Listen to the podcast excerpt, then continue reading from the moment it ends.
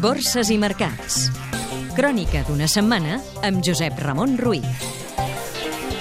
Setmana borsària prou positiva. Els inversors han optat per les compres, animats sobretot per la decisió del Comitè de Basilea de donar a la banca 4 anys de coll i introduir gradualment les noves exigències de liquiditat. També per l'optimisme d'un banc central europeu que, després de mantenir el preu del diner a la zona de l'euro, ha dit que aquest any tornarà el creixement i, finalment, pel pla d'estímul econòmic anunciat pel nou primer ministre nipó, 170.000 milions d'euros destinats a impulsar l'estancada economia japonesa.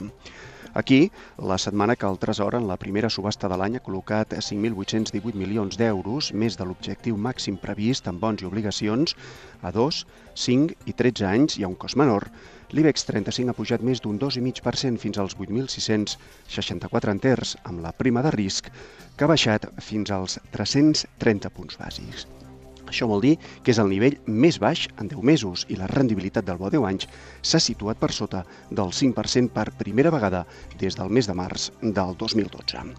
Des de l'1 de gener, l'indicador de referència de la borsa espanyola acumula uns guanys generals d'un 6,09%. Cotitzades catalanes. CaixaBank. L'entitat que ha venut el seu 82,8% del capital d'Isla Màgica a la companyia francesa Looping ha col·locat 1.000 milions d'euros de deute a 3 anys a un tipus del 3,25%. Gas natural fenosa. L'energètica, que ha abonat un dividend de 0,391 euros bruts per acció i ha pagat 62 milions d'euros pel 10% del principal gasoducte entre Espanya i Algèria, ha col·locat 600 milions d'euros a 10 anys a un interès del 3,87%. Banc Sabadell. Ha col·locat 1.000 milions d'euros en cèl·lules hipotecàries a 5 anys amb una gran demanda. Vueling.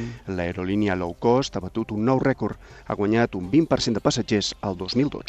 Cementos Molins. Ha distribuït un dividend a compte de 0,08 euros per títol. L'euro. La moneda única s'ha enfortit aquests dies davant de la divisa nord-americana després que el president del Banc Central Europeu, Mario Draghi, ha dit que veu senyals d'estabilitat a l'eurozona.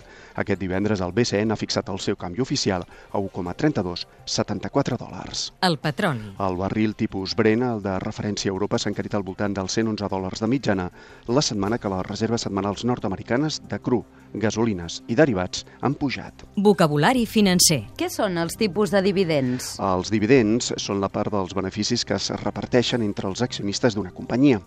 El més generalitzat és el pagament en efectiu per títol, però també es pot cobrar un dividend a compte, complementari, extraordinari i en forma d'accions.